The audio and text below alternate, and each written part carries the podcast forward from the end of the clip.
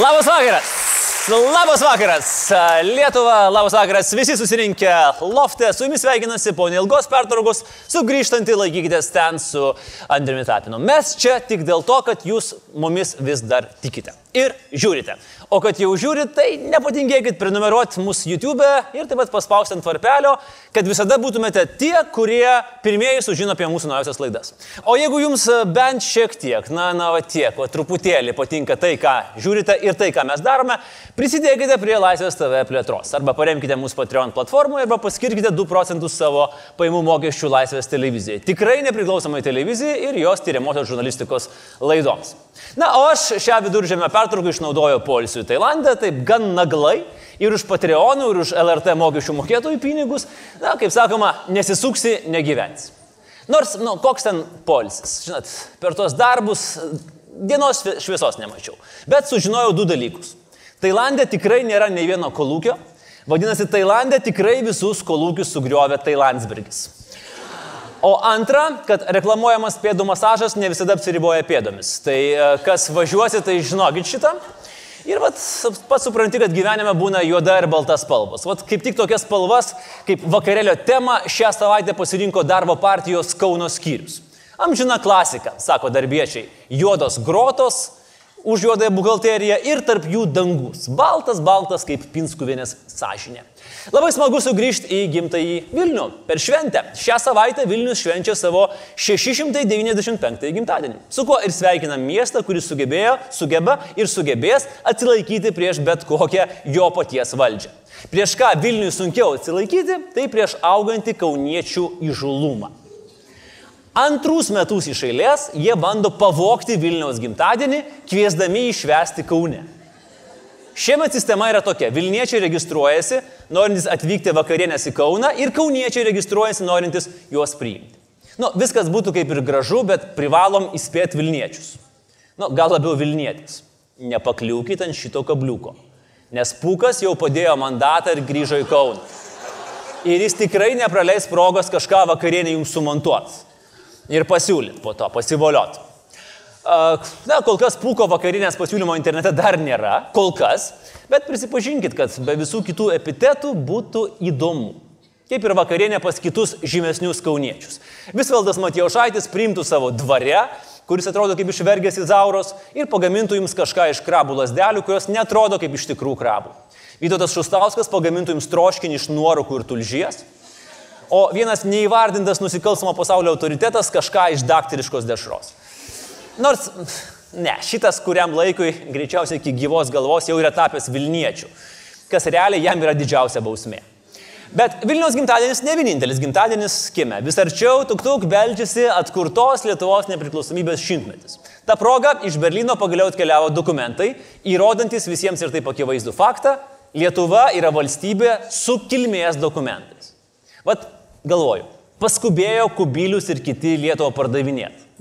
Vat veislinę Lietuvą su kilmės dokumentais būtų galėję už geresnę kainą prastuminėti. Dar nepamirškime ir parodų. Jeigu turėsim dokumentus, tai galbūt kitais metais į Davosą pakvies ne tik prezidentę, bet ir, pavyzdžiui, kultūros komiteto pirmininką. Įsivaizduojat, Karbauskis Davose. Galėtų dėti stand-up apie tai, ar jie žino, kiek uždirba mokytojai Šveicarijoje. Ir mums garbė, ir jiems proga pasijuokti, atsipūsti nuo rimtų temų. At kai bus smagu švęsti šimtmetį. Ypač kai tiek filmų bus prikurta šitai progai. 17. Tiek filmų gavo valstybės finansavimą iš specialios šimtmečio programos. Įdomu, ar visi jie bus baigti vasario 16-ąją. Nu, va čia taip ir gaunasi, kad ne visi. Ir matematiškai net būtų neįmanoma pasakyti, kokia dalis iš suplontų filmo bus baigta, nes e, filmo bus baigta nulis, o dalyba iš nulio negalima. Tai va, jūs nesuklydot. Iš 17 šimtmečių skirtų filmų per šimtmečio minėjimą bus baigta nulis. Nes, nu, mūsų šimtmetis užklupo netikėtai. Na, čia yra tas pats, kas Lietuvos futbolo rinktiniai ateiti į stadioną po rungtynių ir jau primušti įvarčių tuščius vartus, kai visi žiūrovai jau namo išėję, o varžovai jau savo spaudai skundžiasi apie mūsų e, stadiono vėjos tragišką būklę. Lietuvos kino centro vadovas Rolandas Kvietkauskas sako, kad viskas čia yra ok, viskas čia yra normaliai kuriejams net nebuvo keltas reikalavimas viską užbaigti iki vasario 16. Tai vad pagalvojus gerai, kad signatarai tais laikais neturėjo reikalų su kino centru, nes iki šiol priklausytume Rusijos imperijai. Šimtmečio Lietuva, kaip ir pridara padaraus amžiaus šaliai, turi ir savo kvislingą. Praėjusios savaitės Rolando Pakso interviu pro Kremliškai NTV televiziją apie tai, kaip Lietuva žlunga ir kaip jis vienintelis gali išgelbėti Lietuvą, jeigu vėl taps prezidentu. Plus klėdėsiai, kad Paksas yra super populiarus tarp žmonių, nes kavinėse dainuoja karaoke, įrodo, kad gero rūkomojo binto gali būti tikrai daug. Na, o jeigu jau kalbam apie damas, tai Paksas padės mums susipažinti su Kesudį Puką pakeitusią naująją Seimo narę Onutę Valiukevičiūtę. Vaikus dabar reikia patraukti nuo ekranų ir skubiai. O dabar jau viskas ir nėra ko laukti. Lietuvos padangėm kyla sakalai. Kad nebūtų tokių truputėlį kaip Šeldonas iš Big Bang Theory, tai aš visą laiką... Štai kur bendrą temą mes rasime. tai aš visą laiką stengiuosi, iš... aš apmastau, ką, ką man reikės daryti. Jo. Ta kartą nu, bandome mes nueiti su dukra į vonę ir Katinas šnypščia. Ir Ūla pradeda verkti. Ir tėvai vietoj to, kad sakytų, Jėzus vargšas vaikas išsigado, aš sakau, Simai, tu matai, jinai suprato, kad čia yra agresijos požymis. Urte, gerai, e, po, po visų Cambridge, Harvardų, bet jūs grįžot į Lietuvą, kur, sakykime taip, mokslininkai nėra patys gerbiamiausi pasaulyje žmonės. Bet man pagarbos nereikia. Ok, ko jums reikia pinigų? Jo, nes Lietuva geriausiai išdirba mokslininkai. Bet jūs taip užtikrintai su manim kalbat, jūs esate šimtų procentų užtikrintai, kad aš žinau, kas yra singularumas. Aš labai didžiuojuosi šito dalyku. 2018 m. sausio 12 diena į Lietuvos istoriją įeis kaip ta diena, kai Lietuvos Respublikos Seimas tapo geresnė vieta. Seimo nariams vieningai atsisakius atidėti Kestučio Pūko apkaltą su tvarkos ir teisingumo sąrašu į parlamentą patekęs politikas atsistatydino pats. Pagaliau buvo išspjautas beveik metus kažkur giliai gerklėje nemalonumų kėlęs pūkas. Džiaugtis yra kuo, tačiau išlieka keletas bet. Bet numeris vienas. Pūko geitas prasidėjo prieš nepilnus metus. Ir tuomet, kai žmonės nešioja transparantus su pūko veidu ir užrašų never forget, mes turime prisiminti, tai truko beveik metus. Beveik metus mes buvom pasipiktinę, mes eikvojom laiką kovodami, mes kūrėm, pripažinkim, Pripažinkim pakankamai neblogus juokelius apie tai, kad kaunietės mamos dukroms, kurios eidavo į darbo pokalbį, sakydavo, ne pūka, ne pira. Ir pagaliau šitam juokeliui mes galim pasakyti never again, bet tai fakto nekeičia. Ištisus 17 metus Seime mes turėjom žmogų, kuris būdamas Seimo nariu seksualiai priekabiavo prie moterų. Mes turėjom tokį tautos atstovą, kuris į darbo pokalbį atėjusią merginą vedėsi į Seimo viešbutį ir sakė kad būtų smagu pasivolioti čia lovytąją. Aš čia dar tokią pozityvę norėčiau padaryti, kad visiems pakankamai į smegenis įsispaustų tai, kad tai buvo neįlynis hamas iš gatvės, o tautos išrinktasis. Na taip, Pukas yra hamas iš gatvės, bet nu, tikrai neįlynis. Ką per tuos metus jis nuveikė, norėtų sakyti nieko ypatingo, bet veikiau ypatingai nieko. Pateiktas vienas Seimo nutarimo projektas, kuris susijęs su jo paties nusikaltimo tyrimu ir kitas dėl LRT tyrimo, nes LRT apie jį loja. Na, apie tai kiek vėliau. Per tuos metus ponas Pūkas nepateikė nei vieno įstatymo projekto. Ir toks, žinot, dvilypis jausmas. Sunku pasakyti, gerai čia ar blogai. Viena vertus pikta, kad už nieko neveikimą gavo algą, kita vertus žodžiai Pūkas darbuojasi, jau kažkaip gašliai skamba patys savaime. Ir savo pošlybės tautos atstovas ištisus metus neigė, išsisukinėjo, nedalyvavo posėdžiuose ir įrodė mums, kad Seimo narių gali būti pusiau žmogus, pusiau kūgelis. Kodėl visą tai aš taip stipriai akcentuoju? Kad įsismelktų, kad įsirėžtų į smegenis taip giliai, kad būtų tikrai sunku ištrinti. O svarbiausia ir dėl to.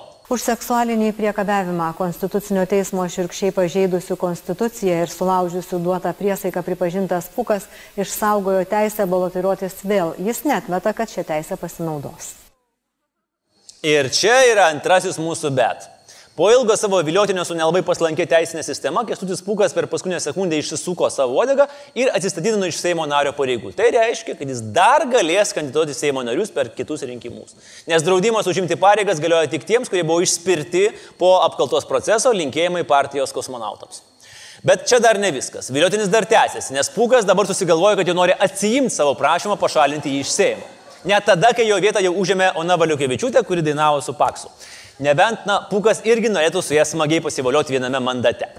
Bet apkaltų fronte vienas pukas nekarys. Todėl dabar prisiminkime įsimintiniausias Seimo narių apkaltas ir atiduokime duoklę tiems, kas jau anksčiau ėjo šiuo keliu. Aišku, prisiminti apkaltas yra toks pats smagus užsiemimas, kaip šeimai rodyti savo buvusių meilužių nuotraukas, na, kas šiaip kestučiai pūkai turėtų užtrukti labai daug laiko, bet kažkas turi tai daryti. Pirmoji mūsų apkalta nuskina net du apdovanojimus už nuopelnus praskinus apkaltų kelią Lietuvoje ir labiausiai VTF apkalta Lietuvoje. Tai yra Audriaus Butkevičiaus apkalta. Apdovanojimų už nuopelnus skiriame todėl, kad tai buvo pirmoji apkalta nepriklausomoje Lietuvoje, na, o labiausiai VTF už tai, kad Seimo nariai dėl mandato panaikinimo Audriui Butkevičiui balsavo tada, kai jam jau buvo įsiteisinęs teismo nuosprendis už sukčiavimą stambių mastų. A, tie 99-ieji. Kai aš prisimenu, nuostabus metai buvo. Let's start with Lithuania, Lavas, Litauen. Vakaras, Lietuva. Hello, Andrews in Vilnius. Varsågoda och leverera era röster.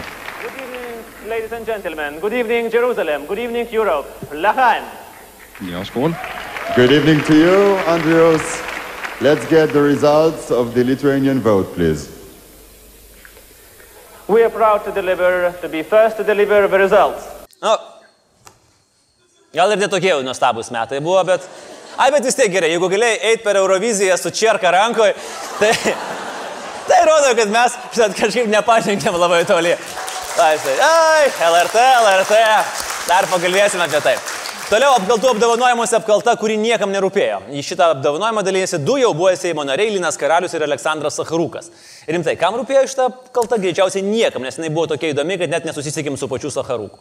Gal dėl to, kad per apkal- apkaltą jo taip ir neišmetė. Na, o Linui Karaliui apdovanojimą turbūt reiktų prisidėti kosmosą, kur buvęs politikas šiuo metu yra ir valo čakras psichodelinėmis varlytėmis. Tuščiausios apkaltos nominacija, daugiausiai širdžių suviliojusiai, ilgiausia kelionė nukeliavusiai ir didžiausia triukšmo Lietuvoje sukėlusiai dabar jau buvusiai Seimo nariai Neringai Venskieniai, kuri dar be kita ko įgyvenino kiekvieno doro lietuvio svajonę. Įrodė, kad neiti metus į darbą ir vis tiek gauti algą yra visiškai realu. Na ir žinoma, šios dienos apkaltininkai. Ir čia mūsų trečiasis bet, apie kurį ir norim pakalbėti. Apkaltos procedūra vyksta tuo met, kai Seimo narys sulaužo priesaiką. O kokia yra priesaika, nes galbūt ir dar daugiau Seimūnų tiktų apkaltai, pasižiūrėkime.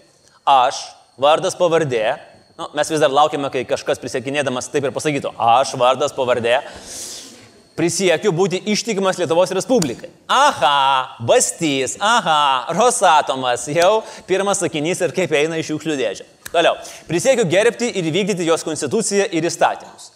Na, reikėtų pasitikrinti, bet šiandien, kai filmuojame, Lietuvos įstatymai lyg ir neleidžia, lyg ir, aš neatsimenu tiksliai, bet man atrodo, kad neleidžia vairuoti asmenims su 1,82 promilės alkoholio kraujyje. Tai čia galbūt reikėtų apie Liną Balsį pagalvoti.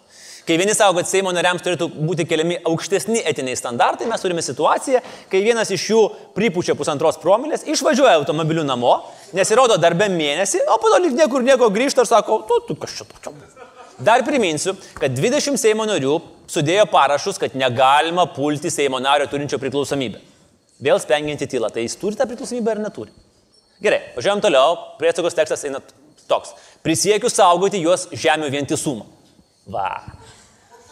Pagal šį punktą saugiausias iš visų Seimo narių yra Ramūnas Karbauskis. Nes vad jau ką, jau, vad ką jau ką, bet Lietuvo žemių vientisumai saugo, tikrai. Vienose rankose su vaikais ir giminėm, dideliais plotais, pageidautina šalia vienas kito. Na ir toliau, prisiekiu visomis išgalėmis stiprinti Lietuvos nepriklausomybę, sažiningai tarnauti tėviniai, demokratijai ir Lietuvos žmonių gerovai. Ir va čia akis iš karto krypsta į Artūrą parodyk akitę skardžių.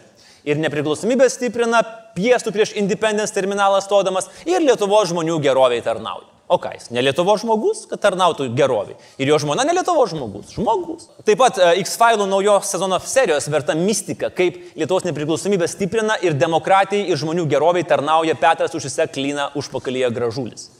Gerai, o ką daryti su Seimo nariais, kurie tiesiog yra ten? Dalyvauja kažkokiose tarp parlamentinių ryšių gerinimo grupėse, ketverius metus pratyli, nepateikė ne vieno asmeninio įstatymo projekto. Ar tai reiškia, kad jie tikrai, tikrai visomis išgalėmis stiprina Lietuvą? Ar čia jų tik tokios išgalės? O ką daryti su Seimo nariais, kurie nelanko posėdžių? Mat priesaikoje nėra teksto, kad prisiekiu vaikščioti darbą, kada reikia, o ne tada, kada yra nuotaika. Pasižiūrėjau duomenis. Sausio 12 dieną vakarinį posėdį užbaiginėjo 65 Seimo nariai 101. Gruodžio 21 - 70. Gruodžio 19 - šiam 6. Gruodžio 14 - 50. Gruodžio 12 - kem 9. Gruodžio 7 - kem 6. Mažiau negu trečdalis buvo darbe. Tad trakšt, trakšt, kas čia? Arba priesaika tyliai laužoma, arba Seimo nariai jau buteliukus pralaužinėja ir tada jau posėdžio pabaigos nebesulaukia. Na, o dabar įdėmiai stebėkime, kas jau kovą darys su Mindaugu Bašiu. Sklando kalbos, kad Bastys gali išsaugoti mandatą, nes jo nuolankus balsas reikalingas trapiai dabartiniai daugumai. Tad kovą spręsime klausimą, ką sveikinti - trapę dabartinę daugumą ar jauną mūsų demokratiją.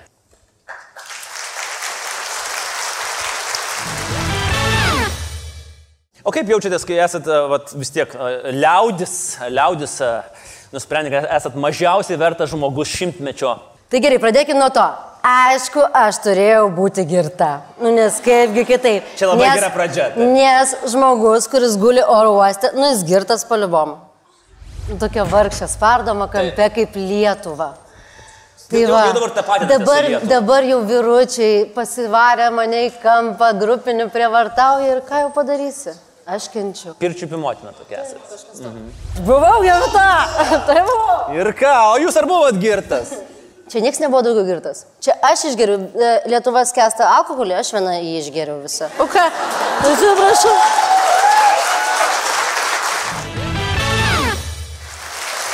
Pagrindinė, laikykitės ten tema. Pakalbėkime apie tai, apie ką kalba visi. Taip, pakalbėkime apie LRT. Įsisuko ir nesibaigia neblogas trileris. Gal netinkamas Agatos Kristi plunksnai. Nors, kai tavo darbė svarbus yra reitingai, gal geriau nereikia tos Kristi. Vasaros vidury ėmė slankioti gandai, kad valstiečiai, kalbant plačiau, ruošiasi rimtai griebtis LRT ir, kalbant siauriau, jos generalinio direktoriaus Audrius Irusevičius. Iš Konarskio gatvės ėmė slinkti atsakomieji gandai, kad visuomeninis transliuotojas ruošiasi rimtai griebtis, kalbant plačiau, valstiečių ir kultūros komiteto pirmininko Ramūno Karbauskio, kalbant siauriau. Nu, va taip gandai ir slankiojo. Nuo Gedimino į Konarskį, nuo Konarskio į Gediminą. Kol kas buvo tai gandai. Abi pusės stovėjo kaip priešai serialė Mažas namelis prerijose arba kaip komisaras Reksas prieš komisarą Senį. Ir kai jau įtampa galėjai pjausyti peiliu, pirmieji neištvėrė televizininkai. Ikilaitis ant Facebook'o sienos prikalė 24 tezes klausimus apie Karbauskio trašų verslą. Ramūnui nepatiko. Jis iš pradžių šovė dešinę ranką, apkaltino Ikilaitį, kad nemoka mokesčių, o jeigu moka tai per mažai, po to šovė kairę ranką. Kad LRT velniai žino, kur švaisto 30 milijonų per metus. Nes žiūrėkit, komercinių telikų biudžetai daug mažesni, o reitingus pasidaro ir laidas gamina ir nepermoka draugeliams. Kadangi žiūrėkit, Siaurusevičius su Šeškom ir Jekilaičiu kartu atostogauja, o laidas LRT produsuoja beveik vien tik tai Šeškus su Jekilaičiu. Sutapimas, klausė Ramūnas ir priekaištingai lingavo galvą, supras, kad tokių sutapimų gali būti trašų biznyje, bet ne televizijoje. O tada jau kaip pridara trileriuose, įstrelkė ėmė verštis visi, kas tik netingi ir pliekti iš visų įmanomų ginklų. Haroldas Maskevičius atidėjo į šalį dviračius ir per vieną mėnesį Lietuvos Facebook gyventojai apie trašas, sklypus, žemės įsigijimą ir agrokoncerną sužinojo daugiau negu Petras Gražulis apie vienos lyties seksą.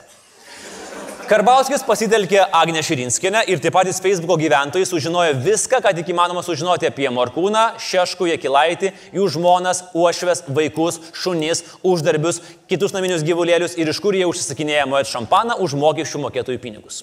Mokesčių inspekcija ėmėsi tikrinti Jekilaitį, o prokuratūra Karbauskį. Kaip suprantu, po to jie pasikeis. STT ir FNTT trypčioja, nes niekas jų į ratelį nepriima, kol muzika nenutyla.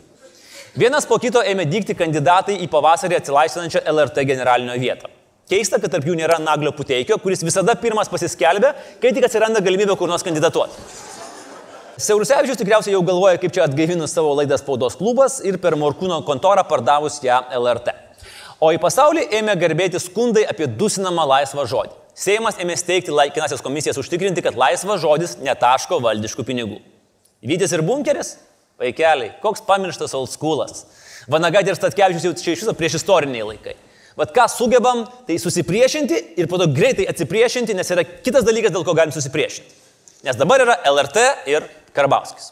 Tai aš iš pradžių deklaruosiu savo interesų konfliktus. Iš vienos pusės LRT transliuoja pasaulio futbolo čempionatą ir tai daro HD formatu. Tai turėčiau palaikyti nacionalinį transliuotoją. Iš kitos pusės tą patį futbolą duoda komentuoti Meškonį. Nu tai natūraliai perinu į Karbauskio pusę, kad LRT yra blogis. Iš vienos pusės dirbau LRT 20 metų ir manau, kad tai puikiai televizija, bet silpno charakterio. Iš kitos pusės, antrus metus dirbu Laisvės televizijoje ir manau, kad šitą dar geresnė. Iš vienos pusės vedu LRT laidą Auksinis protas. Iš kitos pusės rinkimų metais iš eterio iš pašalvonijo kitą mano laidą Pinigų karta.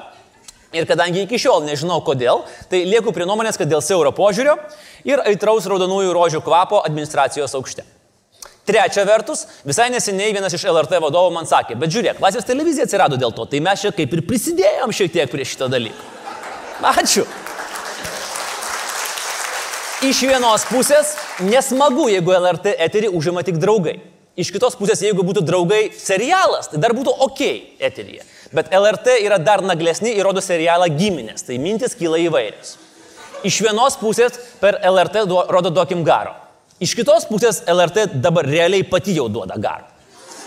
Iš vienos pusės LRT vykdo misiją kokybiškam humorui. Štai. Matot, sąrašai yra sąrašai. Supratau, supratau. Da, da, da, da, da,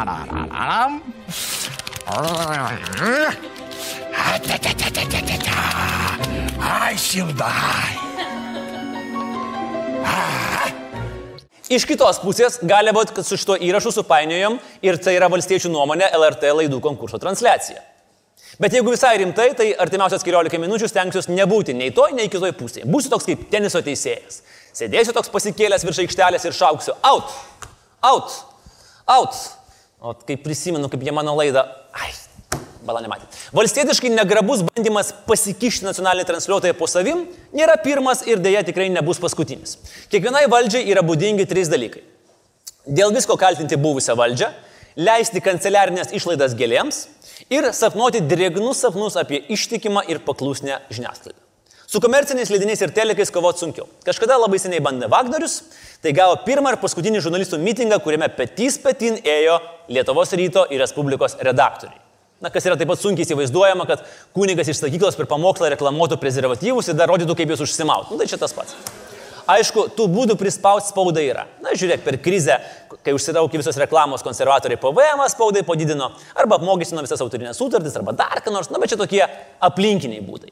O tiesesnių būdų kovoti su komercinė žiniasklaida nelabai yra. Nu juk negali, pavyzdžiui, Seimas priimti įstatymo, kuriuo TV3 uždraustų gruodžio mėnesį rodyti komedijas apie mažą berniuką paliktą vieną namuose. Arba kito įstatymo, kuriuo LNK uždraustų tuo pačiu metu rodyti šūriko nuotykius.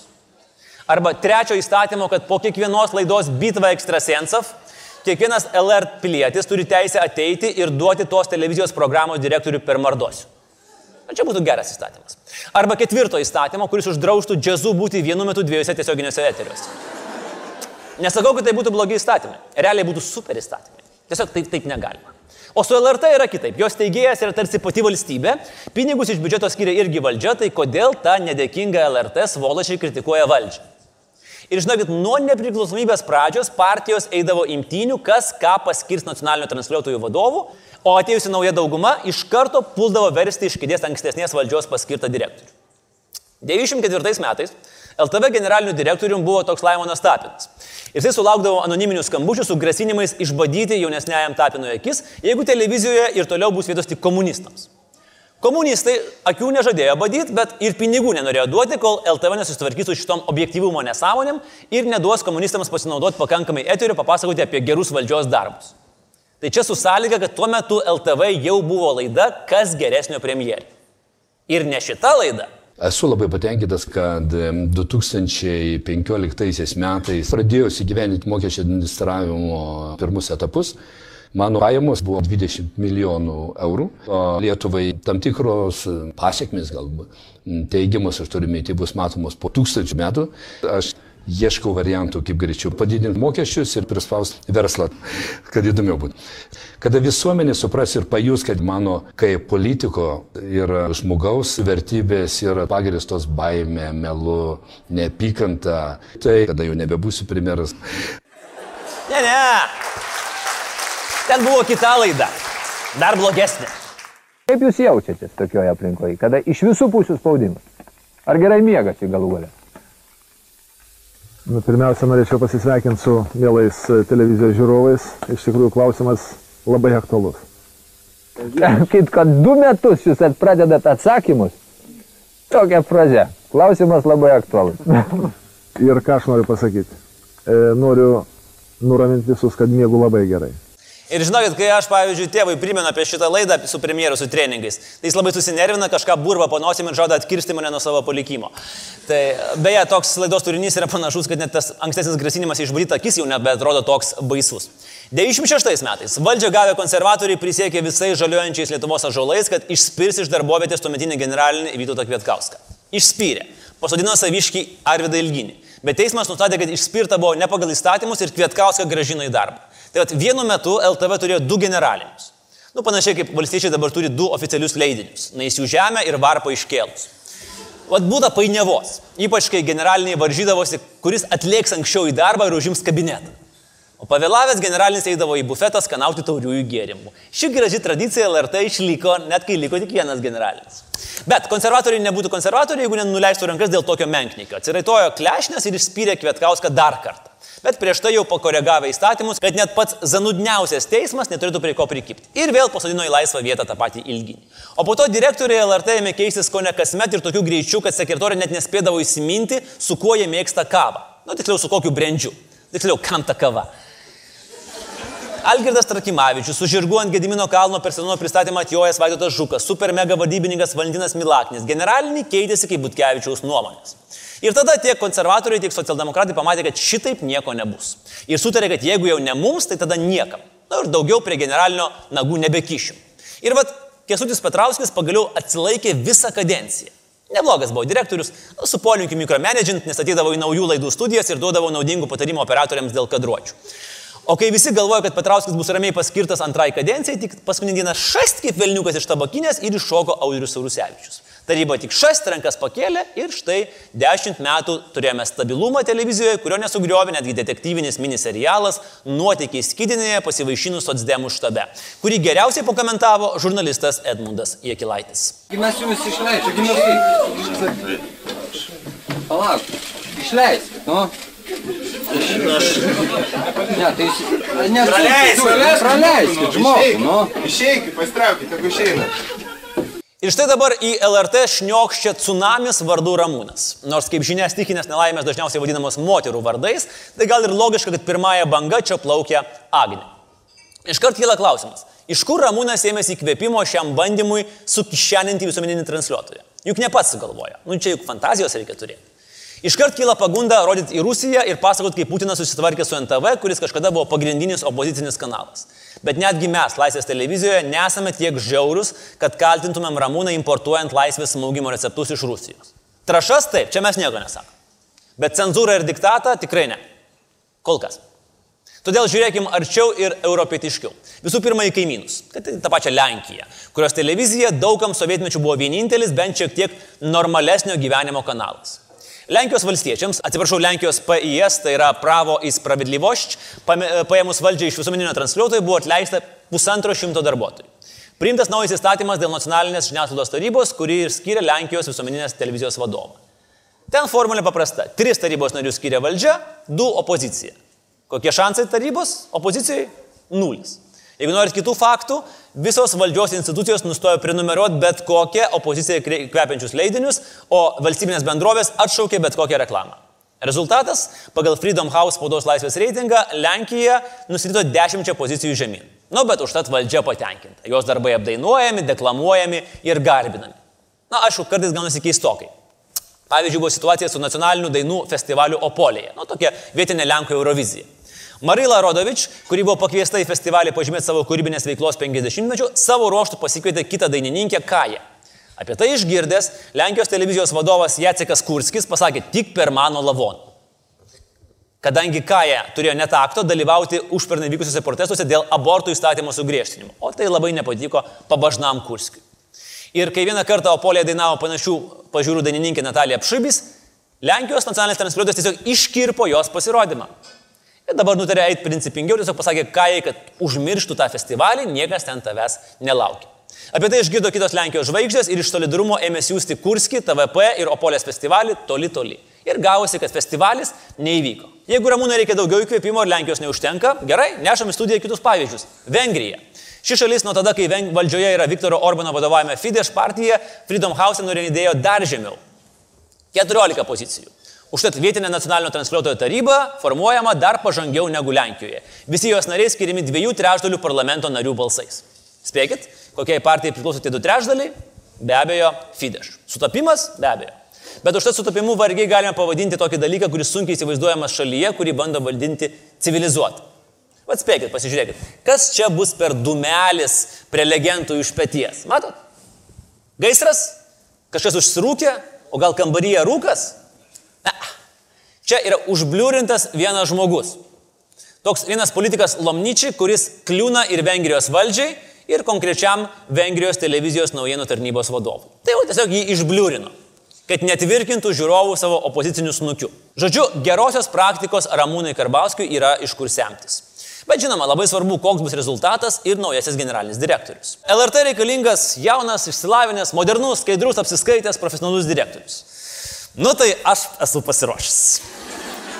Bet kadangi vis tiek su valdžia reikia skaitytis, nes jį mums nuo Dievo duota, manau, kad naujasis generalinis direktorius turėtų net bijot net pasilenkti, jausdamas už nugaros valstietį. Tai ir naujasis uh, tinklelis LRT, mano nuomonė, tikrai turėtų atitikti mūsų išrinktos valdžios lūkesčius. Tai ir va štai toks būtų mano pasiūlymas. LRT, šeštą ryto. Kalba Maldeikienė, visi keliasi. Jūs esate avinai, tie, kurie renkate tuos, kurie naikina jūsų vaikus. Ir jūs esate visiškai besažinės, kai leidžiate šitaip elgtis su sumakambais. Tie, kurie aiškina, kad aš tik rėkiu, jie irgi yra avinai. 6.05. Nuogo kepenio maudimasis sniege. Tiesioginė transliacija. Visi skubiai lėkia į darbą, kad nepamatytų šitos laidos. BVP kyla, profit.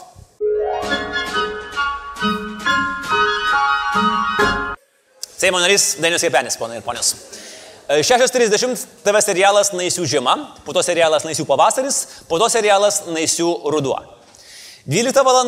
ekumeninė laida Urbšys et Orbšys. Vedėjas komikas Paulius Ambrazevičius. Skrieja kamuolys, žmonės švilpia reikia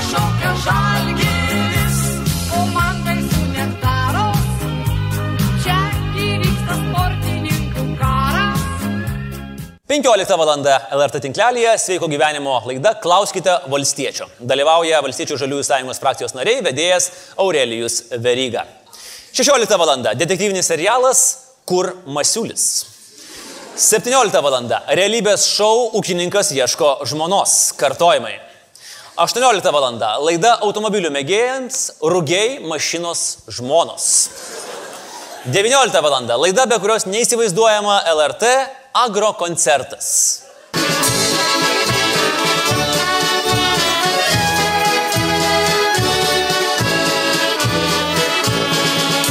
Dvidešimta valanda. Romantiškas gyvenimo būdo žurnalas Gyvenimas yra gražulis. Hey,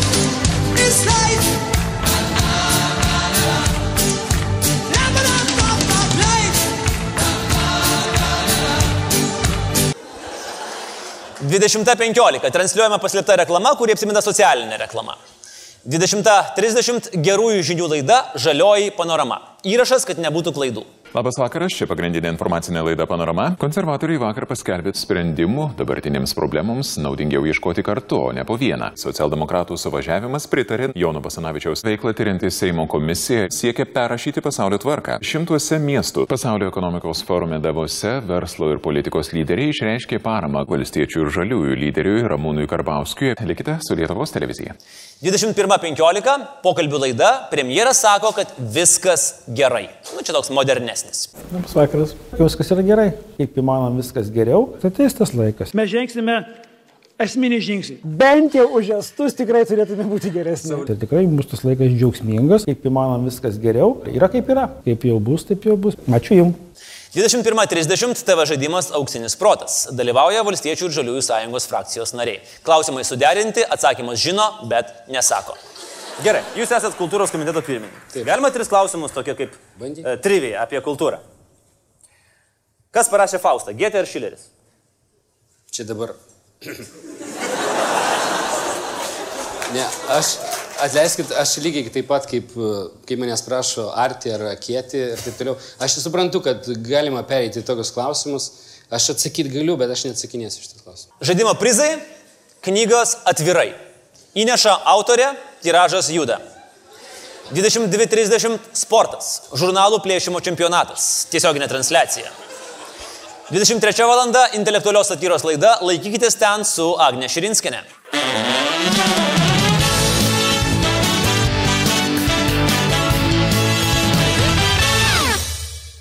Lygiai vidurnaktį per LRT gandro kalenimas eina miegoti.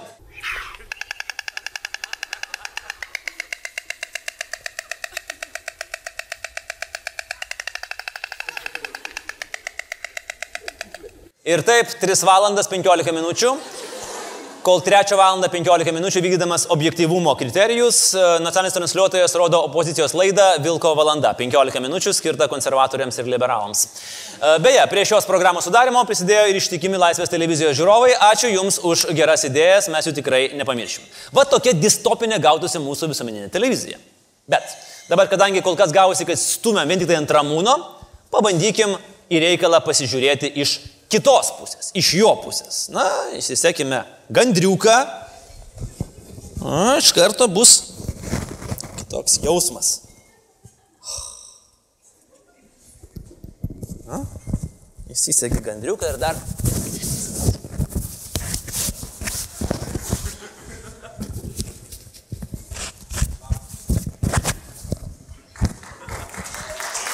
Va.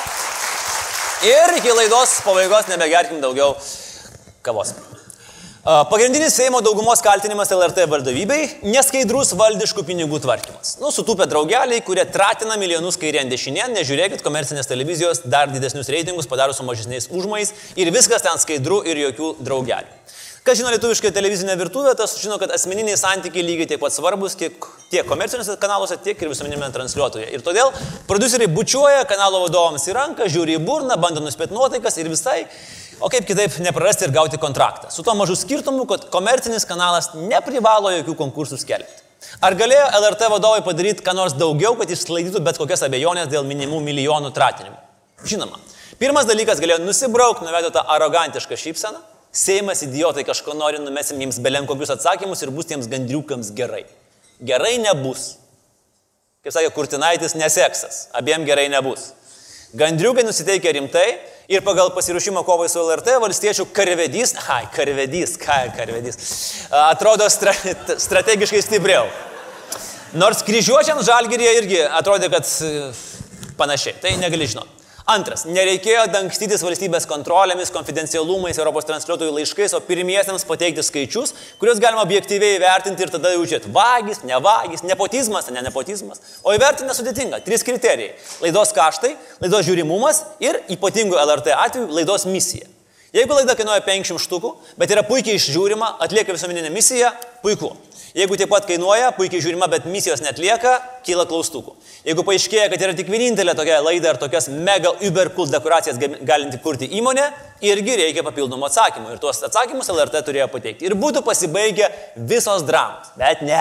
LRT kaip ta karvė žino geriau. Arba iš tikrųjų, kuo įstikinę valstiečiai, jie turi ką slėpti.